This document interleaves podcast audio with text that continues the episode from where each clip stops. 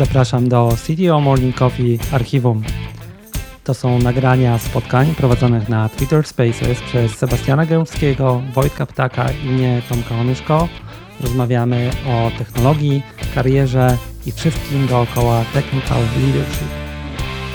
Jeżeli słuchasz nas jako podcast, zasubskrybuj nas na swojej ulubionej platformie, a jeżeli jesteś na Apple Podcast albo Spotify, pamiętaj, aby wyrazić swoją opinię i przekazać nam komentarz. Te nagrania są niecenzurowane, nieedytowane, prezentujemy Ci je tak, jak zostały nagrane. Możesz ten znaleźć na www.ctomorning.coffee i zapisać się na powiadomienia o kolejnych spotkaniach. A teraz po prostu zapraszam.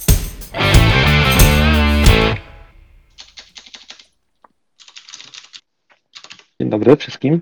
Dzień dobry, wszystkiego dobrego w nowym roku. A wzajemnie, wzajemnie. To prawda już drugi tydzień, ale jeszcze można. Sebastian, zaproszenie poszło też do ciebie. No my się jeszcze nie słyszeliśmy w tym gronie, Nie, więc... my nie, pisaliśmy. Dobrze, Sebastian, jesteś? Jestem, jestem. Mam nadzieję, że mnie słychać. Witam Bardzo wszystkich. dobrze. Jak to było w StarCraftie 5 by 5 To o czym dzisiaj? Dzisiaj chyba jakieś spekulacje, jakiś mało profesjonalny odcinek, wróżenie z fusu, jeżeli dobrze pamiętam. Plotki, Tak, ploteczki. ja, Plotuję. mam kawę bez fusów, ale możemy powrócić z fusów. Ale zanim przejdziemy do tematu odcinka, to takie małe przypomnienie dla wszystkich, konwencja programu. Rozmawiamy przez godzinę, temat mamy jeden konkretny, czyli w 2023 przewidywania trendy, spekulacje. E, My jesteśmy tu od rozkręcenia trochę dyskusji, natomiast każdy może zabrać głos. Żeby to zrobić, trzeba podnieść łapkę, korzystając z funkcjonalności aplikacji Twitter Spaces, Twitter no i funkcjonalności Twitter Spaces. Niestety nie można tego zrobić na webie, a więc zachęcam do tego, żebyście tę łapkę podnosili. My możemy tego od razu nie zauważyć w naszej dyskusji, więc nie zniechęcajcie się i, i, i, i podnoście dalej. Jeżeli chodzi o już samą naszą dyskusję, to prośba właśnie o zachowanie profesjonalizmu, czyli staramy się nie krytykować indywidualnie osób, nawet konkretnych firm. Jeżeli coś krytykujemy, to raczej postawy albo konkretne zachowania, a niekoniecznie tego, kto za tymi postawami i zachowaniami stoi.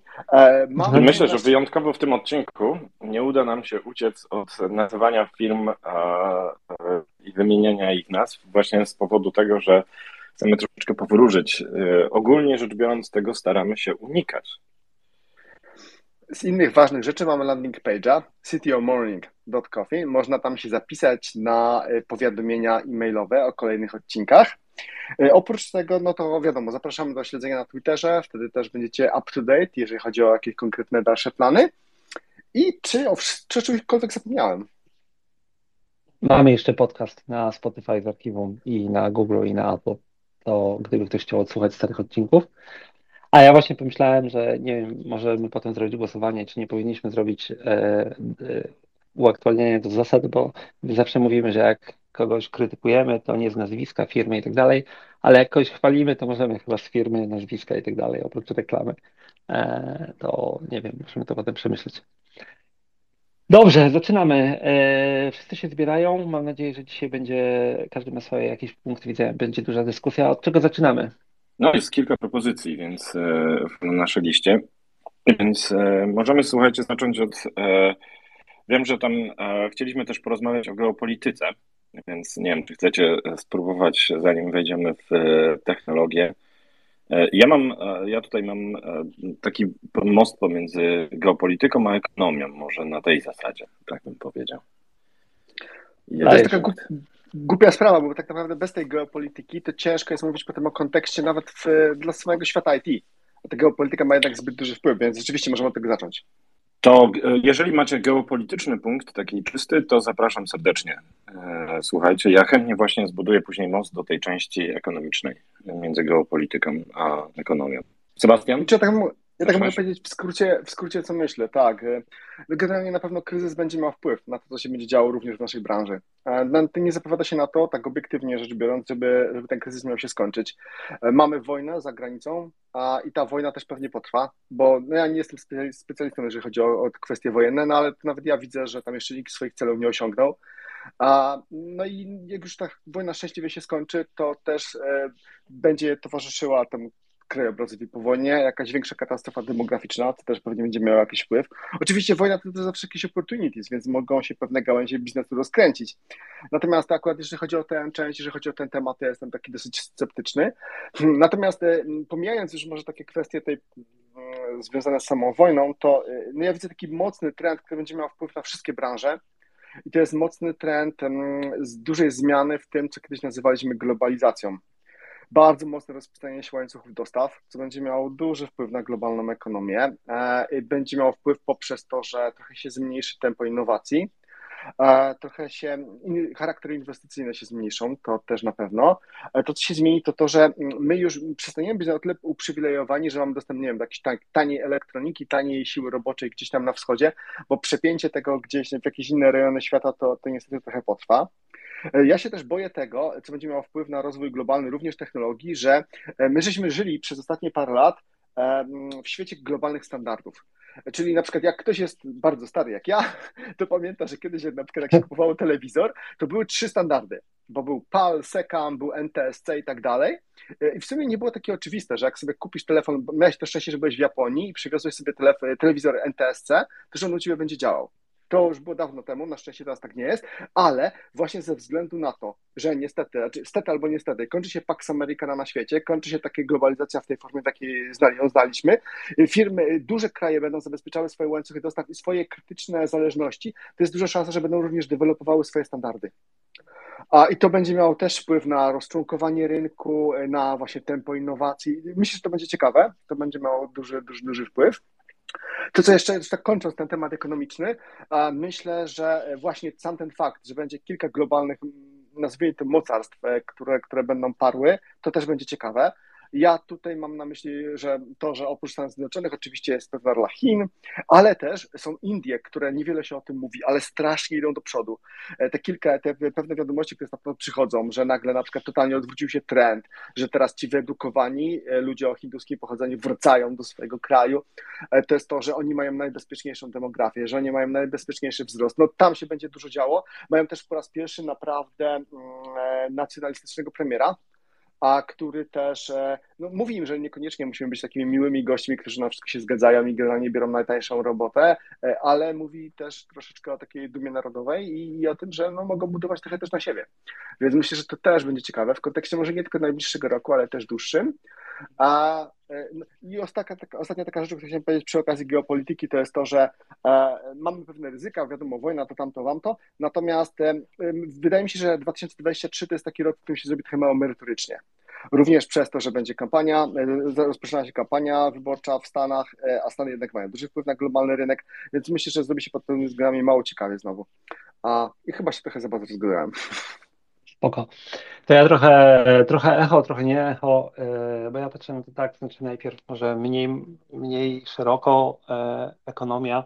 To różnie jest, wiesz, na dwoje babka wyrzuciła, e, jak był COVID, to też wszyscy myśleliśmy, że tam się świat zawali, nie? A rynek pokazał, tylko ja rozumiem, były inne, ten rynek wtedy się tam odbił w dziwny sposób. Teraz jednak wszyscy patrzą, no ja też tak na to, jak patrzę, no to jednak to chwilę potrwa, nie? Ale jaki będzie tego, znaczy nie wiem, czy będzie recesja, zobaczymy, e, za mało wiem, ale jest takie otoczenie, w którym w szczególności, jeżeli chodzi o branżę IT, nie, no to e, na pewno będziemy widzieć jakiś taki inny trend niż dotąd było. Ostatnie kilka lat, to było napieprzanie w nowości, VC i tak dalej, nie? Ten następne kilka lat, a przynajmniej następny rok, ten, który się właśnie zaczął, to będzie trochę inna rzecz, to co ja słyszę i widzę, no to a pieniądze już nie będą tak płynęły z szerokim e, strumieniem, albo będą płynęły do innych firm, tych bardziej, które są mature, mają jakieś przychody, e, co wpłynie, na, krótko mówiąc, na, na to, co się będzie działo na rynku, tak? Będzie mniej rzeczy typu startupy, takie duże, tak? A więcej będzie, e, krótko mówiąc, bezpiecznego biznesu. To jest bardzo proste, jak sobie pomyślisz, bo matematyka robi swoje, jak mamy takie, a nie inne stopy procentowe, to po prostu, żeby inwestować w ryzykowny biznes, to naprawdę on musi być no musi dawać dobry zwrot, tak? Geopolitycznie na naszym krótkim, e, czy bliskim polu, to ja w ogóle uważam, że Polska, tak jak już powiem o Polsce tylko, nie, to jest dużym beneficjentem, jak to się dzieje e, z różnych względów, e, ale jedno co, no to dalej e, my stosunkowo jako rynek będziemy beneficjentem tego zamieszania, które jest. Jak, ja wiem, jak to brzmi, tak, ale e, Jak ktoś na to tak nie patrzy, to z chęcią posłucham, jaki jest inny punkt widzenia. Ale po prostu w Polsce, ze względu na to, że odciął się cały wschodni rynek, jeżeli chodzi o specjalistów, o firmy i tak dalej, tak, no to my będziemy generalnie dalej mieli w miarę dobre otoczenie do tego no bo gdzieś te zasoby jednak muszą e, lądować, gdzieś ci ludzie muszą pracować i e, skądś ci specjaliści też muszą brać, nie tylko w IT, ale też w innych rzeczach.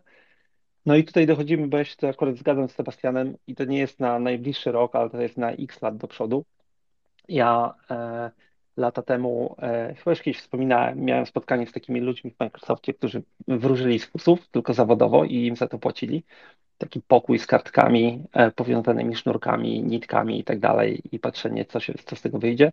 I oni tam nazwali taki potencjalny scenariusz, który się nazywał Continental Drift, że generalnie mocarstwa i kontynenty trochę się od siebie odsuną i zaczną się rozchodzić. I to dokładnie w tej chwili według mnie się będzie to działo. Te standardy, o których e, Sebastian wspomniał, to jest ciekawe, bo po prostu, e, i to już widać, tak, Chiny, Indie zaczynają produkować swoje IT w rozumieniu systemy operacyjne i tak dalej wszyscy się zorientowali, w szczególności Chiny, że nie są w stanie e, konkurować, jeżeli chodzi o elektronikę w tej chwili, więc muszą albo to nadrobić, albo znaleźć inny sposób na obejście tego. Jest dobra książka, którą już wspomnieliśmy, Chip Wars, która to opisuje. I z mojego punktu widzenia takiego czysto, czysto personalnego, to jest takie trochę love and hate, bo e, te łańcuchy dostaw się rozchodzą i tak dalej. Znowu dla Polski w szczególności to jest według mnie duża szansa, zobaczymy, czy ją wykorzystamy, ale Europa jaka taka, ja tu jestem pesymistyczny i to będzie duży przegrany tej całej zmiany, tak? Bo generalnie e, nie jesteśmy w stanie prawdopodobnie e, przejąć tych rzeczy w takiej skali, jakiej jak byśmy chcieli i jesteśmy mocno zależni od technologii i wszystkich innych zasobów od świata zewnętrznego. E, więc tutaj długoterminowo e, ja też myślę, że, że rola Indii, o której wspomniałeś, i rola Afryki też e, będzie dość duża, dlatego taki kraj jak Chiny tam walczy mocno o, o wpływy, tak? Ale będziemy coraz bardziej się rozchodzić i będzie coraz więcej takich rzeczy typu regulacje i tak dalej, które będą stopować te rzeczy pomiędzy przepływ pomiędzy krajami, pomiędzy ekonomiami na przykład to widać już po sankcjach, które Stany Zjednoczone na, na, nałożyły na produkcję, na cały val, value chain produkcji e, półprzewodników, ale też to, co się będzie działo pewnie zaraz, jeżeli chodzi o eksport technologii pod tytułem w cudzysłowie AI. Dobrze, też się rozgadałem, Wojtek. To ja mogę e, gładko przejść e, w kierunku bardziej ekonomicznym. E, I pierwsze przypomnę, że zachęcamy Was do dyskusji, więc jeżeli macie, macie uwagi i pomysły i kontry do tego, co wspominamy, to zapraszamy serdecznie. Ja chciałem popatrzeć jeszcze na jeden, jeden aspekt, którego cieszę się, że nie, nie dotknęliście, bo przynajmniej mogę, mogę uzupełnić. Talent shortage. E, I to jest bardzo ciekawe, bo po pierwsze mamy do czynienia z, e, oczywiście z demograficznym e, niżem, który narasta. Jednocześnie mamy bardzo dużą dys, dysrupcję, przepraszam za słowo, na rynkach ekonomicznych. Ja sobie sprawdziłem, przygotowałem sobie mniej więcej dwa lata temu, to było estymowane na poziomie Chiny, to jest około 20 do 30 milionów pracowników, słuchajcie, Rosja 6 milionów pracowników, a e, Europa około 4. Predykcja, że do 2030 będzie to raczej 15 milionów. E, USA w tym momencie 6 milionów. Japonia, Indonezja, Brazylia, czyli te rynki, e, wschod... część tych wschodzących rynków, to jest około 10 milionów na każdy kraj. Sprawdziłem sobie też bardzo różne raporty. E, około 60, 70, e, czyli tak ładnie 2 trzecie e, firm wprost wskazuje w serwis dla, dla egzekutywów, że mają talent, short, talent shortage.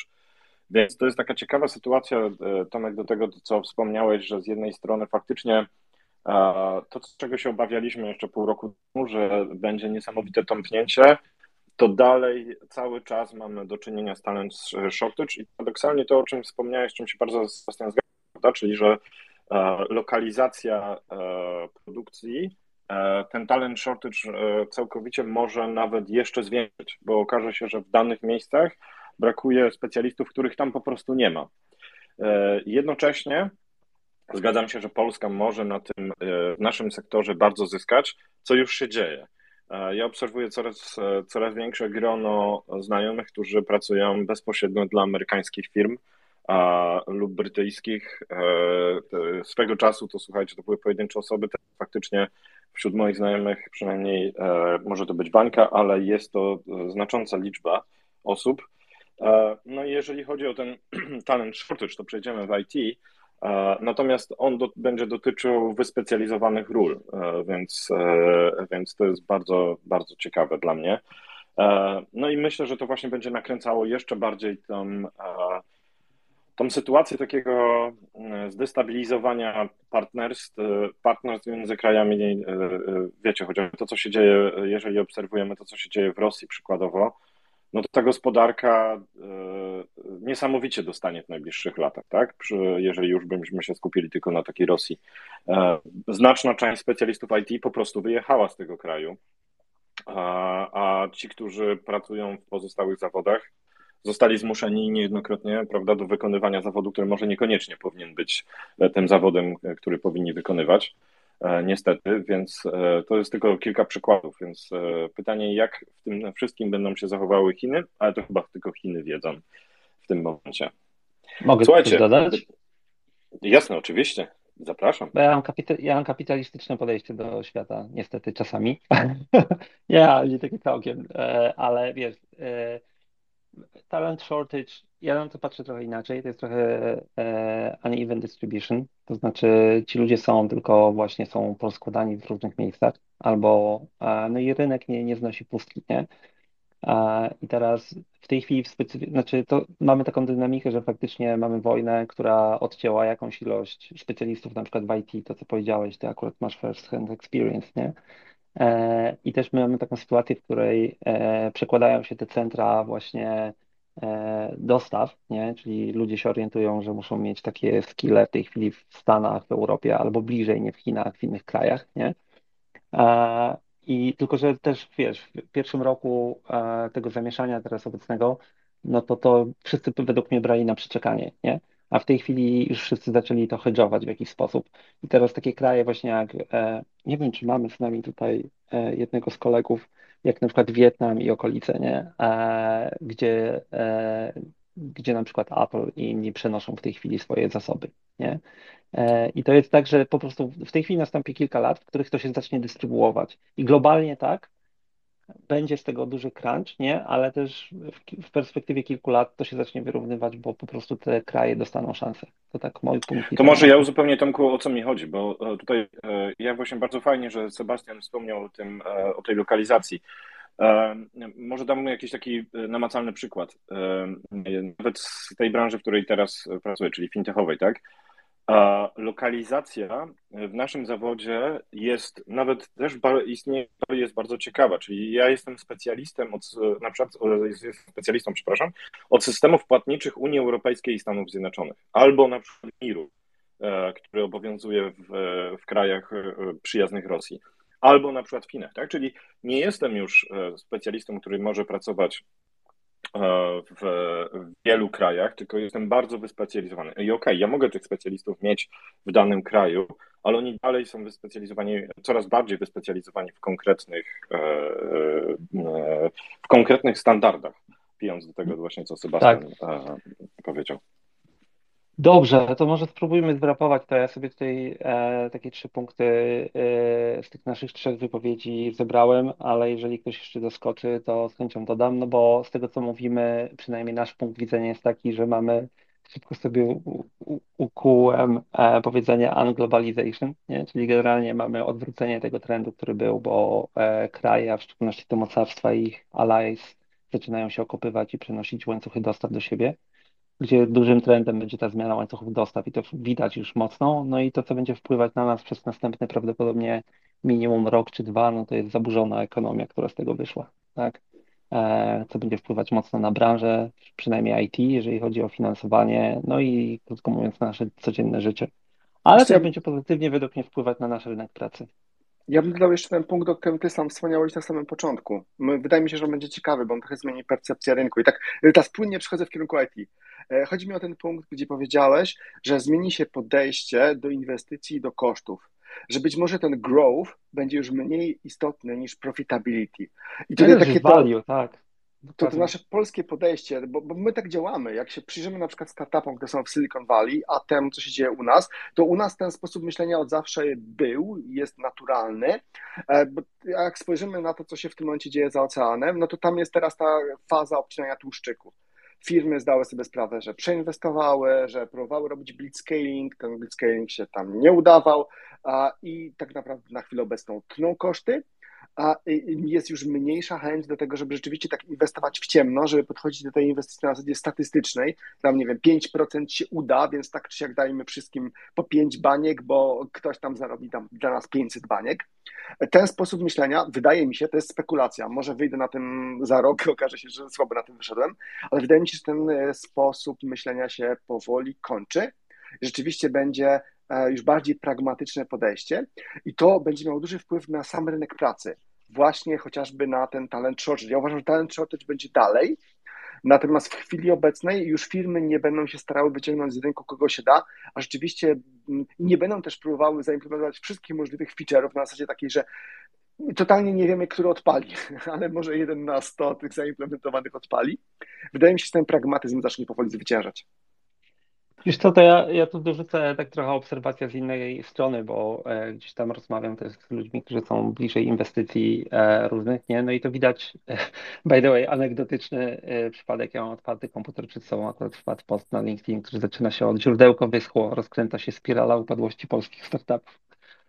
Ale e, na, na rynku, krótko mówiąc, inwestycyjnym, który inwestuje w IT, to, to zmiana już jest, nie? Ludzie przechodzą w tak zwane value i grow, e, value nie? czyli e, wychodzą z tego, że może uda nam się wyhodować unicorna, bardziej ok, to kto ma solidny biznes i jest w stanie go utrzymać na jakimś tam poziomie przez następne 5 lat, nie? E, I to będzie duża, duża zmiana według mnie, tak ogólnie. Do, do Polski jeszcze pewnie e, lokalnie się odniesiemy, natomiast e, tutaj chciałem zwrócić uwagę, że Polska była bardzo specyficzna, bo mieliśmy bardzo duży kurek pieniędzy odkręconych przez NCBR, i PF, PFR i wsparte wszystkie przez nie VC, więc e, to jest też jeden z powodów, dla których ta kasa nagle się skończyła, bo te kasa się po prostu skończyły, te programy się pokończyły i e, jak się możemy domyśleć, trochę nie było pomysłu, jak to dalej kontynuować. E, Ale Natomiast to widać ja na rynku globalnym, nie tylko polskim, nie? Mhm. Natomiast, no tak, ale to, był, to były wieloletnie tam programy. Ja chciałem Wam sytuację, mówiąc globalnie o rynku IT, E, wróćmy do tego tematu, zwrócić Wam uwagę na jedną ciekawą sytuację. E, e, jeżeli chodzi, jak podsumowywaliśmy sobie ten rok i przedostatni nasz zresztą podcast był właśnie na temat już tego, co się stało wtedy, czyli chat GPT, jest bardzo ciekawa sytuacja. E, starcie dwóch tytanów e, rynku IT, czyli Google i Microsoftu, można by powiedzieć, i, tej, e, i podejścia. Ja obserwowałem sobie te firmy przez jakiś czas, czyli OpenAI i DeepMind stojące za nie. Chciałem Wam zwrócić uwagę na jedną rzecz. Dwie całkowicie różne polityki wytwarzania produktów i technologii. Ja sobie to sprawdziłem. DeepMind ma ponad tysiąc publikacji idzie bardzo szeroko. E, zasada DeepMind jest taka, e, od wewnątrz też to wiem, że zatrudniamy jak najlepszych specjalistów od sztucznej inteligencji, dajemy im warunki do tworzenia. Nie wymuszamy nic. Po prostu twórzcie. I tym sposobem raz na jakiś czas wyjdzie na niesamowite odkrycie. DeepMind idzie bardzo, bardzo szeroko. Zauważcie też jedną rzecz. Praktycznie nie ma komercjalizacji tych produktów i nie ma, nie widzimy jakichś wielkich zmian w produktach Google, jeżeli chodzi o e, te projekty, które wypuszcza e, DeepMind. Dla przykładu, e, Alpha Code, czyli odpowiednik DeepMindowy kodeksu, czyli tego, co stoi za. Pylonem. Za, tak został wypuszczony kilka miesięcy po kodeksie. Także to nie była duża różnica. To jest już ponad rok, odkąd AlphaCode został wypuszczony. Natomiast ten produkt nie został w jakikolwiek sposób skomercjalizowany. Ale OpenAI z Microsoftem, który wspiera ich, jeżeli chodzi o inwestycje, część infrastruktury, dane, poszedł, czyli między innymi GitHuba, poszedł bardzo wyspecjalizowanie, poszedł w bardzo konkretne rozwiązania i, e, i stworzy, tworzy prawda, czy, e, chatboty, e, bardzo duże uogólnienie. I one w tym momencie wygrywają i my, z tego co ja mówię, jest bardzo duży hype na to, żeby teraz w ogóle, prawda, firmy wokół tego tworzyć, do tego zaraz wrócimy. Natomiast ja chciałem wam powiedzieć, że jest ciekawa, ciekawe rozdanie kart na ten rok pomiędzy Microsoftem i Google, bo ja stawiam na to, że może dojść do zatrzęsienia głównego produktu e, Google'a, czyli wyszukiwarki, poprzez e, niektóre ruchy, które wykonuje Microsoft e, z OpenAI. W przeciwieństwie do właśnie tego, że Google zamienił się w tą firmę, która idzie powoli, bardzo szeroko, stosunkowo niewiele innowacji. Dobrze. No nie wiem, czy bym się zgodził tak do końca. Bo szczerze mówiąc, wiesz, to bardzo często ten e, produkty AI są wprowadzane po prostu mało inwazyjnie jako część innych produktów, jako takie małe mm, quality of life improvements. I to też może długofalowo zrobić gigantyczny impact. E, poza tym też te firmy działają nie tylko B2C, czyli to nie tylko innowacje, które gdzieś ty będziesz z nich korzystały z jakiegoś tam, nie wiem, na swoim telefonie, ale to są też innowacje B2B, czyli e, tworzenie inteligentniejszych produktów, tak zwana demokratyzacja AI, żeby każdy mógł tego AI użyć gdzieś w swoim produkcie. Czyli to, że mamy chat GPT, możemy się nim pobawić, jest fajne, ale takie chat GPT as a service, które można sobie gdzieś z czymś zaembedować, to dopiero będzie coś. Nie wiem, czy widzieliście, było takie demo dosłownie kilka dni temu. E, jest taka mało znana gra, e, nazywa się Bannerlord, natomiast to, co jest ciekawego na temat tej gry, to jest to, że ona jest bardzo modowalna, się chyba tak mówi. Czyli mm -hmm. generalnie ludzie mogą sobie sami modyfikować. I to, co z niej zrobiono, to jest to, to to jest gra generalnie multiplayer takiego stopnia. Znaczy, sam się pewnie dokładnie nie znam, ja widziałem tylko i wyłącznie nagrane wideo. To, co było w nim bardzo fajnego, to jest to, że chat GPT został wpleciony jako engine służący za komunikację z tymi wszystkimi randomowymi ludkami zasiedlającymi cały ten świat, które są po prostu NPC-ami. To, to nie są ludzie, to są, to są po prostu jakieś sztucznie wygenerowane postacie, które mają uwiarygadniać świat. Że możesz podejść do każdego, łącznie, nie wiem, z kowalem i zagadać go o miecze czy jakieś inne artykuły, które on produkuje. I, i ty, jakiś moder, który po prostu się tym bawił zupełnie hobbystycznie. E, powiem szczerze, że zrobił naprawdę coś bardzo fajnego. W sensie rzeczywiście zaczynało to powoli wyglądać jak interakcja w prawdziwym świecie, której jeszcze dodatkowo nie trzeba poświęcić setek godzin na to, żeby ją zakodować. To jest taki znowu mały, fajny przykład tego, jak w, nawet bez pakowania tego w osobny produkt można to takiego, takiego pseudo-AI fajnie wykorzystać. Ja wskoczę tutaj e, trochę w stronę trendu, bo e, według mnie faktycznie ten rok i kolejny i pewnie kilka innych następnych e, będzie mocno pod... Znaczy ja, ja zawsze unikałem stwierdzenia AI, ale już się pod, poddałem, ale pod kątem właśnie lang, Large Language Models albo innych rzeczy typu Stable Diffusion i okolice, nie? Bo to jest tak, to jest ciekawe, co Wojtek powiedziałeś, bo e, tutaj fajnie, znaczy jest bardzo, nie wiem, czy zwróciliście uwagę, że bardzo skróciła się ścieżka do komercjalizacji i commoditization, nie? Czyli generalnie to nie jest tak, że wyszedł jakiś model jeden, który gdzieś tam po laboratoriach latał i ktoś o nim słyszał i tak dalej, tylko bardzo szybko, ja rozumiem, że to zajęło czas, ale bardzo szybko mamy a, te modele dostępne w formie API. Jest dokładnie to, co e, Sebastian powiedział, po prostu mamy w ciągu kwartału prawdopodobnie masę produktów, które ktoś stworzył w oparciu o te modele. To jest też ciekawe w ogóle podejście, e, jak e, akurat OpenAI podeszło do komercjalizacji tego i według mnie na tym wygrają, czyli że puścili to w świat, e, gdzie to ich kosztuje w tej chwili jakieś makabryczne pieniądze. Nie? Ale wiesz, ludzie tworzą nawet, wczoraj dostałem, wiesz, zamiennik Worda, który już w tej chwili pisze w oparciu o ChatGPT. Teraz ten rok to będzie komercjalizacja tego i tutaj dobrze e, według mnie to podsumowałeś, że na przykład Microsoft pierwszy raz będzie miał shot na to, żeby e, uszczknąć jakiś gruby rynek search, tak? Bo e, modele już są commodity. Nie wiem, czy widzieliście taki mini chat GPT napisany przez Carpatiego, nie? I on powiedział, OK, no to jest model 300 linii, nie? tak naprawdę jest kwestia danych, czyli na czym ten model jest uczony i kto ma zasoby, żeby go uczyć i kto ma specyficzne dane, żeby ten model uczyć. Nie? I w tym roku według mnie firmy zaczną po prostu specjalizować się w użyciu tego.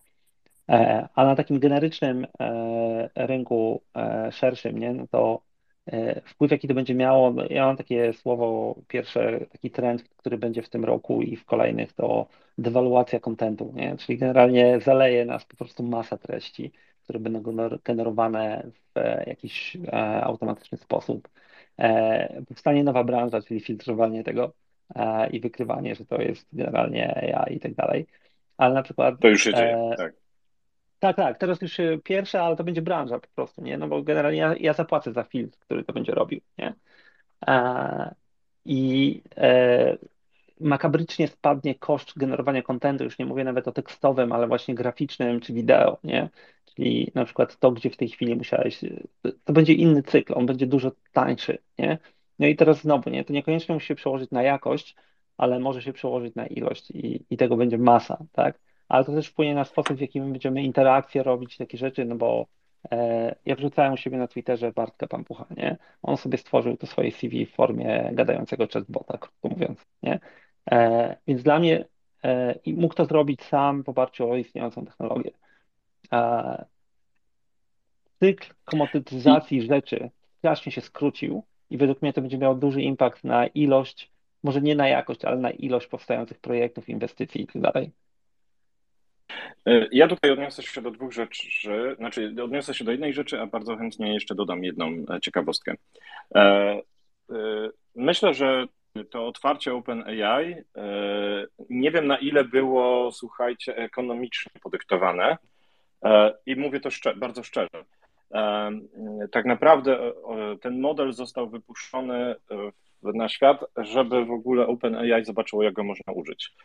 E, mamy, mamy w OpenAI jednego e, rodaka, e, jednego z co-founderów, Wojtka Zarębę, i on bardzo fajnie o tym opowiada, jak takie typu modele, to było mniej więcej pół roku, rok temu, jak tego typu modele oni chcą wypuszczać. Oni po prostu sami nie rozumieją możliwości użycia tych modeli. I to była według wywiadu z Wojtkiem, a to była zaplanowana całkowicie e, e, standardowa akcja, znaczy postępowanie w tego typu modelach. Natomiast ja mam jeszcze jeden ciekawy trend. E, ja sobie przeglądałem też, przygotowując się do naszej dyskusji, papery, takie powiedzmy top 10 paperów z tych konferencji najważniejszych, czyli ICML i New RIPS, jeżeli chodzi o AI. I jeden, że zwrócił moją szczególną uwagę, czyli Federated Learning. Those, które nie są, nie są może zaznajomione z, z, ze sztuczną inteligencją, Federated Learning to jest taka metoda e, szko- e, e, uczenia i douczania modeli na zdecentralizowanych danych i na zdecentralizowanych urządzeniach. Czyli innymi słowy, możemy sobie stworzyć, słuchajcie, model, który rozpoznaje twarze E, pracowników e, stacji benzynowych, na przykład, żeby logować czas pracy i douczać na przykład te modele na, lokalnie na stacji. E, I myślę, że to będzie, to będzie bardzo ciekawy trend w przyszłości, czyli te po pierwsze, istnieje bardzo duża szansa, o, ogromne modele będziemy uczyć wszyscy, także swoimi treściami, typu SMS-y, to, co wpisujemy to już w komputer, robimy. to, co wpisujemy, no to, w, ale nie, wiesz, to są logi, które idą gdzieś centralnie i one są wykorzystywane nie centralnie do uczenia. Nie, nie, nie, mówię nie, o czymś ja mówię, wiesz co Wojtek, ja mówię o treściach, bo e, większość, mało, mało kto czyta Eula, nie, ale w większości jak tylko zgadzasz się na jakiekolwiek podpowiadanie i tak dalej, i tak dalej, no to generalnie zgadzasz się na wysyłanie swojego tekstu, nie? i właśnie to temu służy. Wysyłanie, ale ja mówię, że mail... wiesz, mi chodzi o coś innego, że na przykład masz kamerę, masz e, klawiaturę i ty lokalnie na swoim urządzeniu douczasz model, który służy, słuchajcie, na przykład, wiecie, wszystkim użytkownikom, e, nie wiem, Gmaila, tak?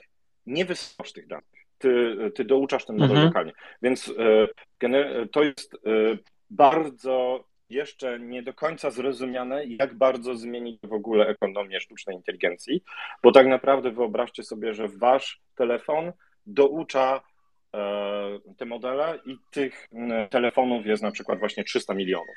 I, na, i cały tak. czas douczamy te modele. Tak, ja mam dorzucić coś, zanim któryś z naszej publiczności włączy, to e, jeżeli jeszcze dookoła LLM i podobnych zagadnień, to e, nie mam na to, nie robiłem research, ale powiedzmy gut feeling, więc teraz będę sposób według mnie największa następna rzecz, która się w tym wydarzy, albo jedna z dużych, to będą właśnie indywidualne modele, nie? Czyli e, modele, które będą się uczyć już tylko na Twoich danych e, i będą się personalizowały pod Ciebie.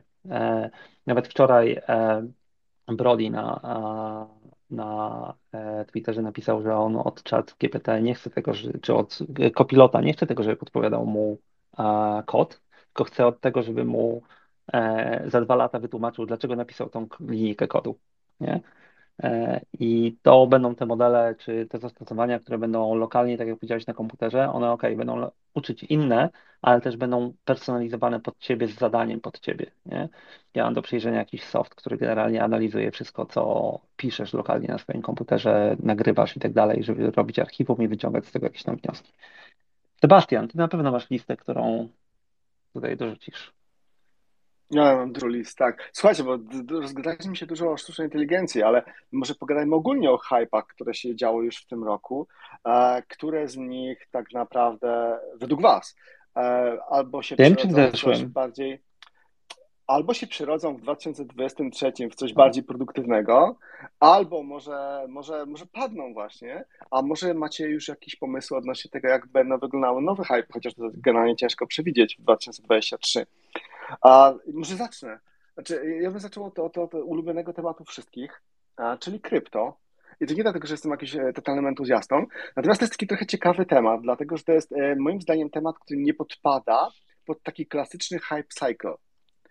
Czyli taki ten cykl, gdzie się to wszystko zaczyna od wielkiego zainteresowania, potem jest taki element e, rozwijania złudzeń, potem pewnego rodzaju zima, cisza, no i w końcu przychodzi do jakiś etap produktywności. Więc moim zdaniem krypto nie podlega totalnie temu cyklowi. Dlaczego? Dlatego, że tu od samego początku są pewne grupy, które są po prostu bardzo zainteresowane tym i bardzo na tym korzystają. No to chociażby szara strefa, nawet przestępcy i tak dalej. Więc dla nich to value jest zawsze. I owszem, zdarzają się sytuacje typu no skamy, których było bardzo dużo, chociaż w tym roku mniej, ja widziałem jakąś tam statystykę i w tym roku tych skamów było mniej, e, natomiast wydaje mi się, że to jest taki temat, który będzie dalej żył. Nie mówię o tym całym Web3, mówię konkretnie o krypto, nie wydaje mi się, że będzie to jakiś wielki przełom, e, jakiś konkretnie technologiczny. Wydaje mi się po prostu, że to będzie raczej ewolucja tych modeli, które mamy teraz. E, natomiast to, co jest, to, czego ja się spodziewam, to jest to, że ten taki naturalny kierunek, że ok, to pojawią się pewnego rodzaju regulacje, żeby to może trochę utemperować, żeby zmniejszyć to ryzyko, to moim zdaniem to się nie uda w sensie, w sensie regulacji, że to jest jednak bardzo mm, przeciwne działanie temu ogólnemu trendowi, w którym idzie krypto, więc e, e, no, jest sam jestem ciekawy, jak to będzie wyglądało. Natomiast tu nie spodziewam się mm, jakiegoś wielkiego przełomu. To ja podrzucę. Eee, ostatnio LinkedIn zapytało się mnie, how it is going to hate metaverse. Eee, jest okej. Okay. Web3 i okolice krypto. Wiesz co, to ty powiedziałeś, to jest trafna obserwacja, bo, e, bo e, ty powiedziałeś o takim typowym cyklu życia technologii, nie? A to nie jest cykl życia technologii, bo to podlega po prostu tylko i wyłącznie w tej chwili cyklowi e, ekonomicznemu typu tani pieniądz, drogi pieniądz, nie? Bo dotąd po prostu, ja wiem, jeżeli ktoś jest z branży, to się ze mną nie zgodzi, ale jest bardzo mało adaptowalnych szeroko use case'ów, tak? OK, możemy transferować wartość, e, całe DeFi poszło w piach, bo skończyły się proste pieniądze, e, całe NFT poszły w piach, to było wiadomo od początku, sorry, są używane w jakichś tam czystych celach marketingowych, jest, e, albo jak ktoś ma po prostu dużą bazę ludzi, no to potrafi im to upychać dalej, ale generalnie nie, nie, nie to było największe, nie wytworzyło się żaden sposób zastosowania tego w sposób szeroki. I oczywiście branża Web3 się z tym nie zgodzi, ale to dalej są niszowe zastosowania wszystko, tak? I co ciekawsze, one próbują tworzyć istniejący świat tylko e, w realiach Web3, tak? Więc krypto jest napędzane e, cyklem finansowym, e, tam jest dużo elephant in the room i to wszystko zależy od tego, no bo powiedziałeś, że było mniej skamów, no bo krótko mówiąc mniej value się przewaliło przez to ze względu na spadek cen i tak dalej, i tak dalej, więc nie jest to tak profitable, nie? Długoterminowo ja uważam w ogóle, że cryptocurrencies, bo tutaj, e, czyli zostaną z nami e, i w tym roku i w kolejnych będzie coraz większa adopcja, ale tego, co się nazywa stables, tylko nie z, e, nie, nie tych, które są, tylko takich po prostu rządowych czy jakoś wyregulowanych, bo I to jest, to jest jakiś problem. mój punkt. Tak, ja Okej, tutaj to mogę sorry. uzupełnić. Czyli mówisz o To Tak. Nie, e, nawet nie mówię o CBDT, to będą CBDT albo stable, które będą w jakiś sposób uregulowane, a nie będą prywatnymi firmami, jak są w tej chwili. Dojedziesz, Tak. się na tym akurat lepiej znasz.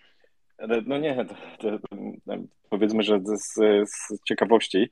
E, Myślę, że CBDC i po, pokrewne produkty będą e, się coraz częściej pojawiać, bo to jest naturalne, naturalne czy też bardzo chętnie instytucje centralne po nie sięgną. To jest, to jest oczywiste e, z wielu względów oczywiście. Wiele problemów rozwiązuje. Naprawdę bardzo wiele z punktu widzenia rządu, niekoniecznie z punktu widzenia naszego.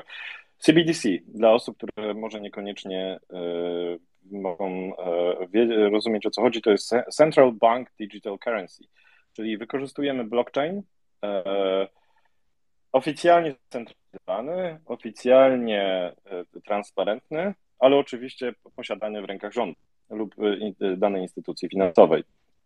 E, I, e, I, myślę, że naturalnie, jak pamiętacie, e, jedna z pierwszych przemów premiera brytyjskiego nowego była również o tym, że pracują nad CBDC, w, w, jeżeli chodzi o UK. I myślę, że te projekty będą bardzo mocno się rozwijać. To, to daje bardzo, bardzo wiele ciekawych rozwiązań z punktu widzenia państwa, oczywiście z punktu widzenia naszego znika całkowicie prywatność pieniądza, tak? Czyli my nie mamy w ogóle już prywatności, jest całkowita transparentność dla Urzędu Skarbowego. To może być mocne zatrzęsienie, więc zobaczymy, jak, jak to się będzie rozwijało dalej. Też jestem ciekaw. To jest jeden, jeden z trendów, który niestety uważam, mam mieszane uczucia, może tak, tak to powiem co do niego. Wiesz co, są, tak, tylko i to są, ja zwrócę uwagę na dwie ciekawe rzeczy już, jeżeli się trzymamy CBDC, bo ja stable trochę szerzej widzę jako po prostu mechanizm. Mamy istniejący, działający mechanizm, którym jest Digital Yuan w Chinach. To jest coś, co po prostu działa już, w tej chwili jest zaimplementowane. Tak, tak. Tam jest bardzo ciekawy feature tego, tego, tego Digital Yuan pod tytułem ekspirowanie pieniędzy. Musisz je wydać do. To jest ciekawe, ale jest taki właśnie też ciekawa rzecz i ona e, trochę się wpływa, wpisuje w ten trend, e, o którym mówiliśmy, globalizacji.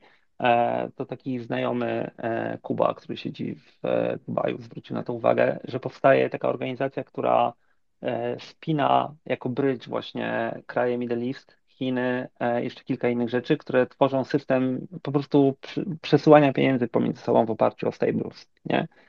który jest alternatywą dla tego, co się dzieje w ramach normalnych systemów. Nie? Tak. Jak już jesteśmy przy Web3 i okolicach. Jak o, chyba, że chcesz dokończyć Web3. Wiesz co, chciałem przejść, znaczy ja uważam, że wielki hype, który był w tym roku, na który wskoczyły, e, znaczy w zeszłym, na który wskoczyły też konsultingi i tak dalej pod tytułem Metaverse, to pójdzie nigdzie, nie? E, czyli coś takiego nie zaistnieje, nie będzie istniało jeszcze długo. A wiąże się z tym jeszcze jedna rzecz, tylko tutaj mam mniej pomysłów, szczerze powiem, e, gdzie, gdzie to będzie szło, ale według mnie będzie duża zmiana na rynku tak zwanych social, to znaczy te firmy tradycyjne, właśnie Twitter, Facebook, czyli Meta i okolice, one będą miały coraz większe problemy. Nie? I ja uważam, że tutaj coś, to się będzie zmieniało, będzie się to coraz bardziej rozwarstwiało pomiędzy młodych i ludzi i ludzi w średnim wieku, ale ja na przykład przed Facebookiem Meta widzę taką mniejszą przyszłość, nie? O ile nie wymyślą innego modelu. I na to znowu się nakłada, i to jest odnośnie technologii ciekawy trend, że popatrzcie, jak Apple ładnie rozegrał cały rynek social, prywatności i tak dalej, i jak się nam spolaryzował na przykład właśnie technologicznie, nie? gdzie Apple jest w stronę prywatność, dbamy o użytkownika i tak dalej, a przy okazji zbudował sobie cały nowy biznes, nie? No i mamy całą resztę Google'a, który idzie szeroko i e, ten cały social media, które są oparte o użytkownika, jego sprzedaż i tak dalej. E, I to się kończy w jakiś tam sposób. Oni będą musieli wymyślić nowy sposób. Między innymi taka zmiana, która teraz jest w Unii Europejskiej. Nie wiem, czy obserwowaliście, że będą, nie będą mogli targetować ludzi w taki sposób, jak dotąd targetowali. Więc w tym roku i w kolejnych, według mnie, ten model social media, który mieliśmy, on się mocno zmieni, bo ludzie przestaną z niego korzystać w taki sposób, jak korzystali. Dużo tematów zahaczyłeś. E, ja się tutaj generalnie zgadzam. W ogóle to jest ciekawe, że po co ten cały metavers, po co cuk to próbuje robić? No właśnie, dlatego, że kończy mu się już Facebook, ludzie od tego odpływają, wie, że ten statek odpływa, e, a potrzebuje platformy wszyscy inni mają swoje platformy, on tej platformy nie ma. Co więcej, trochę zmarnował okazję, bo Facebooka nie udało się przewoluować, kupili Instagrama, ten Instagram już też spotkał swoich, e, swoich pogromców. Jak generalnie uważam też, żeby nie przedłużać, e, że idea metaversów totalnie nie chwyci, zupełnie. E, w ogóle taki artykuł się u mnie na No Kill Switch na ten temat produkuje, więc mam nadzieję, że już niedługo, mam już cały research mam zrobiony, to jest tylko kwestia przekucia tego w tekst. Natomiast jedna rzecz może się wydarzyć. I ja ją przewiduję już gdzieś od jakichś trzech lat. Jeszcze się nie wydarzyła, ale nie tracę nadziei, e, bo wydaje mi się, że taki jeden aspekt, który jest gdzieś tam powiązany z metaversem, to jest aspekt tak zwanego augmented reality. I że to jest rzeczywiście powiązanie, dodanie tych digitalowych elementów do świata prawdziwego, e, takie troszeczkę wymieszanie tego, co jest non, naprawdę non-fungible i danie temu takiej cyfrowej reprezentacji, to może być totalny game changer.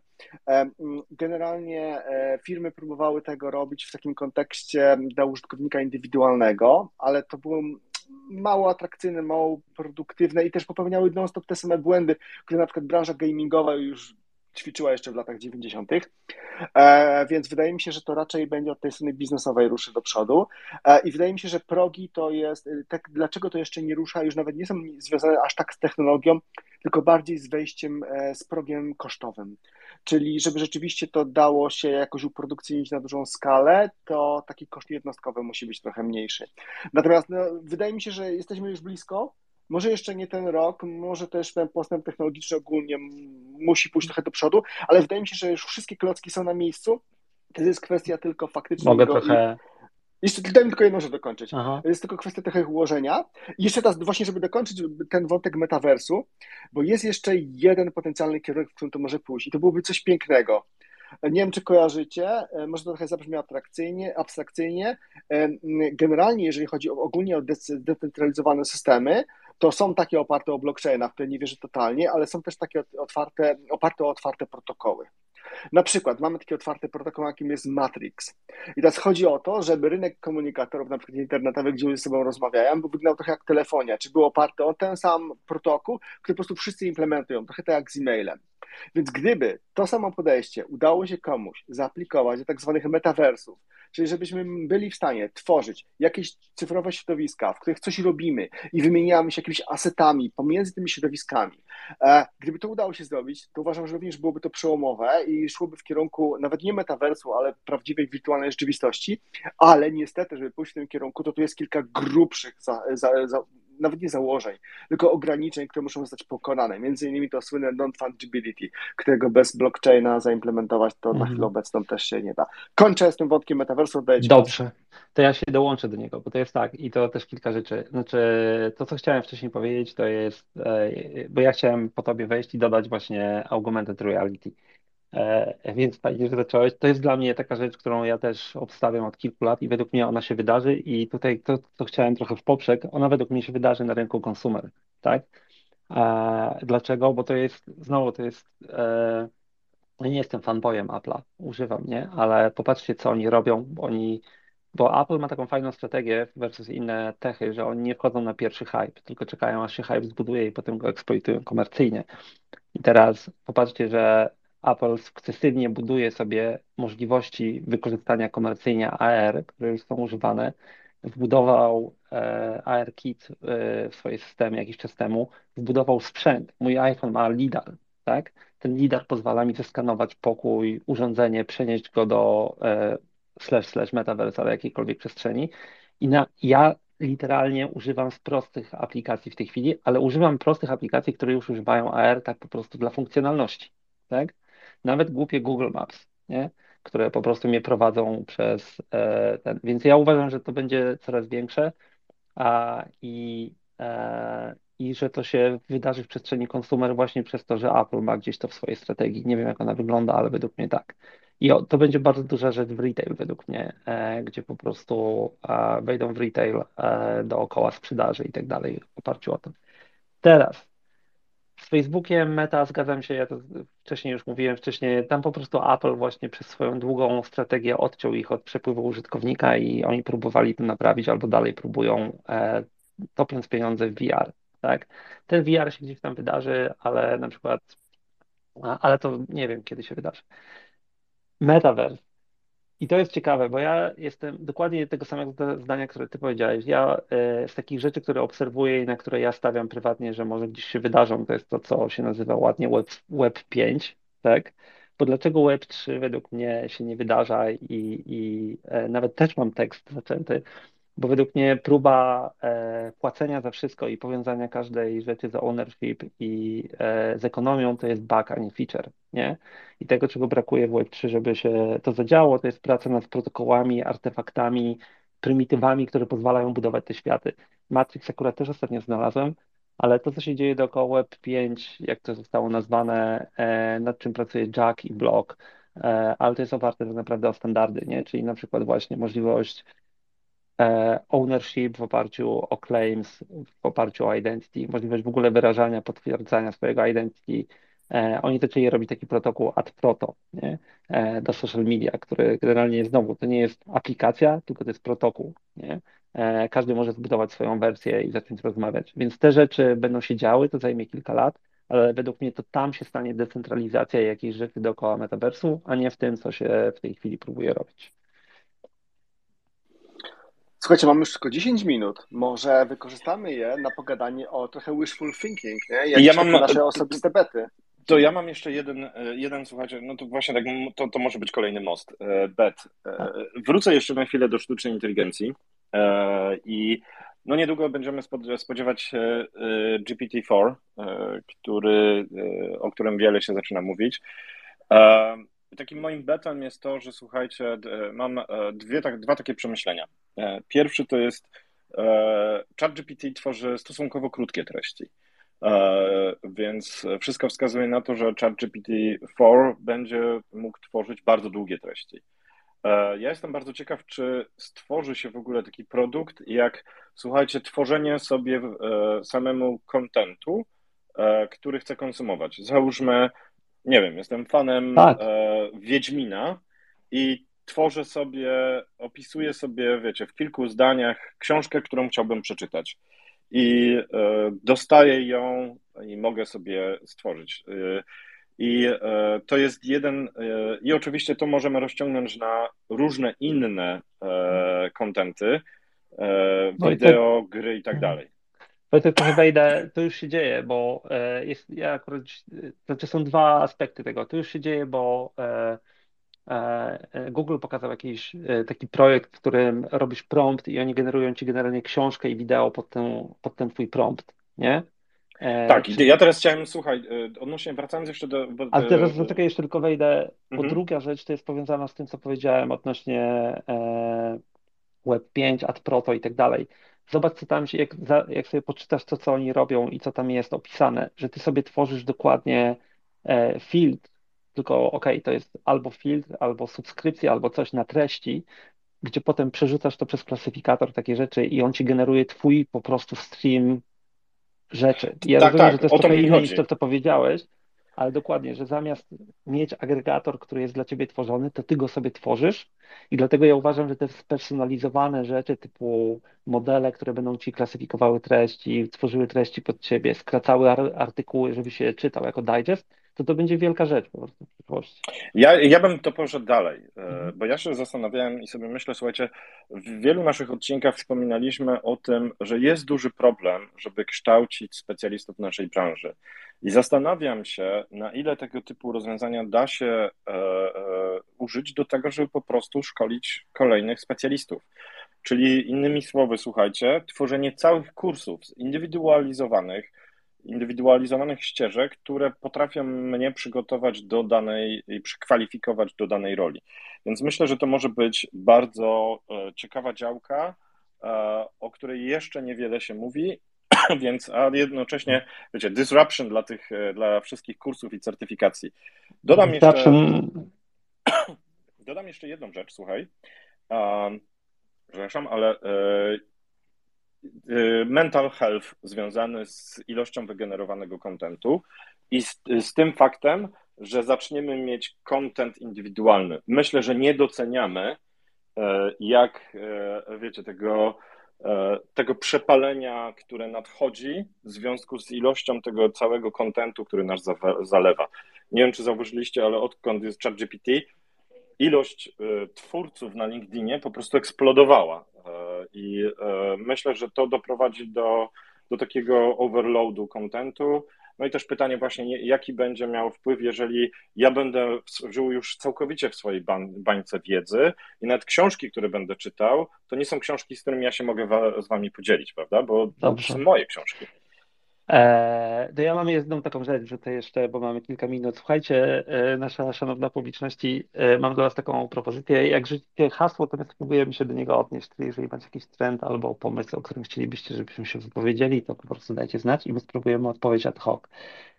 Teraz do tego, Wojtek, co powiedziałeś, według mnie te modele, które w tej chwili zaczynają wchodzić, to one bardzo zmienią edukację w ogóle, tylko że ona się będzie zmieniać bardzo powoli ze względu na regulacje i teraz jest taka rzecz, która się wiąże też z tym, co powiedziałeś i co ja wcześniej mówiłem. Według mnie bardzo wzrośnie i wpłynie to na rozwarstwienie coraz bardziej ekonomiczne ludzi, bo krótko mówiąc, ludzie, którzy będą mogli sobie pozwolić, będą mieli własne modele, które będą infiltrowały treści, będą odrzucały spam wygenerowany przez e, boty itd., tak itd. Tak a ludzie, którzy nie będą mogli sobie na to pozwolić, będą wręcz musieli to czytać, żeby zarabiać na dostęp do sieci. Nie?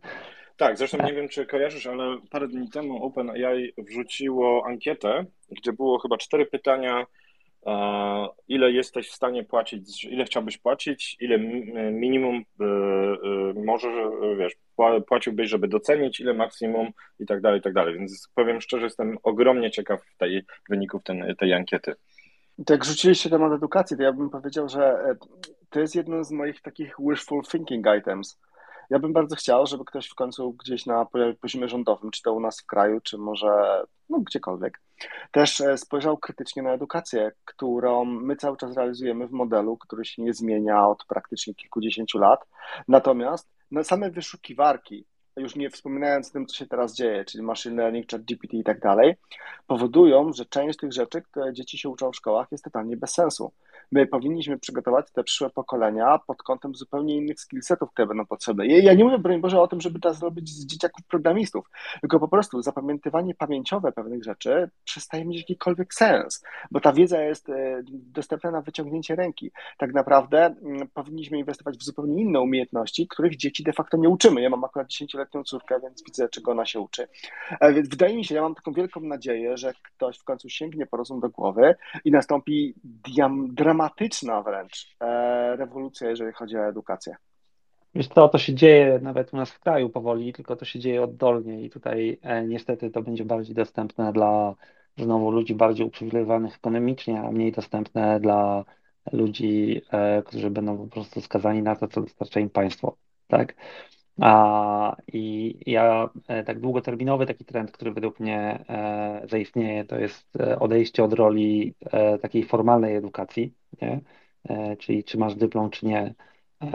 A no i niestety, ja tutaj widzę to trochę negatywnie, to będzie powiększać rozwarstwienie społeczeństwa, bo ten, kto będzie mógł sobie na to pozwolić, będzie miał dzieci w szkołach, które nie będą szły normalnym tokiem, tak? Bo jeżeli nie będzie wymagania dla tych, y, dla tych młodych ludzi tego, żeby pokazali formalny dyplom, e, no to nie będą mieli też incentywu, żeby iść normalnym tokiem wymaganym przez państwo i tak dalej, i tak dalej. Więc to się, to się stanie, to się dzieje już, ja Ci podeślę potem kilka przykładów, które są w Polsce nawet w tej chwili dookoła tego. Jeszcze tak na szybko z takiego mojego wishful thinking, co ja bym chciał już tak bez rozwiązania się jakoś szczegółowo. E, bardzo czekam na jakąś innowację, jeżeli chodzi o taki zupełnie inny temat, e, bazy danych pod kątem systemów OLTP. Mam wrażenie, że cały czas się kręcimy w kółeczko dookoła tych samych rozwiązań, a wydaje mi się, że optymalizacje, które są, to są optymalizacje bardzo niskopoziomowe i takie, które trochę zasypują pewne dziury, a nie są prawdziwą innowacją. Wydaje mi się, że wprowadzenie nowych bytów, chociażby na przykład szardowania, e, jako część nawet standardu, standardu SQL, standardów dla DDL i dla DML. -i. Oczywiście przy pewnych ograniczeniach e, mogłoby spowodować stworzenie zupełnie nowego tiru tego typu rozwiązań, takich baz, które są skalowalne prawie że bez ograniczeń. Więc taką innowację z chęcią bym widział. Generalnie też się spodziewam dużej innowacji w temacie e, usług as an endpoint, bo to się sprawdziło w kilku przypadkach. Uważam, że tego będzie znacznie więcej. Takie trochę rozwinięcie idei serverlessowej, tego też pewnie będzie sporo. Bardzo bym chciał też, jeżeli chodzi o taki wishful thinking, żeby rozwinął się temat decentralized identity, dlatego że wydaje mi się, że to będzie enabler dla innowacji w bardzo wielu dziedzinach, właśnie związanych z credibility informacji, związanych z walką z fake newsami, z walką ze spamem i tak dalej. Bardzo bym chciał, żeby tutaj się coś wydarzyło. E, też mocno kibicuję, chociaż wiem, że to są ograniczenia ekonomiczne rozwiązaniom, mm, w których e, to użytkownik jest w całości właścicielem swoich danych, takich jak Solid, Tima Berners-Lee i tak dalej. Też bardzo bym chciał, żeby tu nastąpił pewnego rodzaju przełom. Przełom nie, nawet nie technologiczny, wydaje mi się, że technologia w wielu miejscach jest już na miejscu, tylko bardziej przełom ekonomiczny, czyli żeby rzeczywiście komuś udało się to gdzieś skomercjalizować jeszcze ostatnią rzecz, która trochę jest wishful thinking, a trochę jest moim przewidywaniem, to jest oparte na tym, co powiedział chyba Tomek wcześniej, że, e, albo Wojtek, będzie bardzo dużo e, generowanej treści, będziemy się w tym gubić, będzie potrzeba filtrowania tego, więc ja mam nadzieję, że to zaowocuje tym, że w końcu ludzie będą chcieli płacić za dobrą treść również. Więc, że na przykład pojawi się dużo bardzo fajnych mm, serwisów, gdzie można kupić na przykład płatne dziennikarstwo. Są już takie serwisy, ja płacę za dwie takie rzeczy. Mam nadzieję, że tego będzie więcej, że to się będzie bardziej opłacało, że to będzie znacznie szerzej e, adoptowane. I to w sumie tyle z mojej strony. To ja dodam jeszcze szybko jedną ostatnią rzecz. E, ja liczę na rozwój e, modeli, które się zajmują data summarization. Czyli innymi słowy, jesteśmy w stanie wrzucić bardzo duży dataset, bardzo różne i jesteśmy w stanie, w stanie dostać na przykład, wiecie, półstronicową, jednostronicową analizę dotyczącą tego datasetu. E, widziałem kilka paperów na ten temat, e, jeszcze nie widziałem ciekawych rozwiązań, e, czekam na nie. Dobrze. Jak na tematy, o których nic nie wiemy, mieliśmy dużo do powiedzenia. Dla mnie ciekawy trend jest taki, że nikt z publiczności nie spróbował zadać nam pytania.